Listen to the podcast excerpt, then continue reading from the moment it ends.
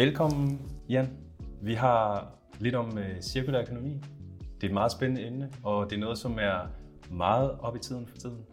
Kunne du fortælle lidt om, uh, hvem du er og hvad du laver? Fordi du har været lidt på en spændende rejse i forhold til det, du laver i dag.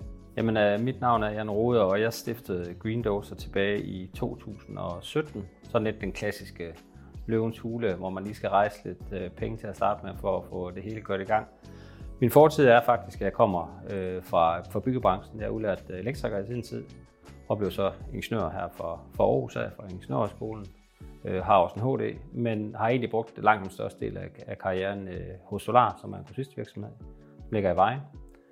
Øh, og det var egentlig det, der var med til at starte øh, det, der blev til Green Dose i dag. Det var egentlig, at jeg ønsker at lave en platform, hvor man kunne sætte de overskydende, nye overskydende varer til salg, som øh, alle grossister og producenter øh, og byggemarkeder i et eller andet omfang ligger inde med. Så det var sådan set øh, det var startskud til, til det der Green Dozer i dag.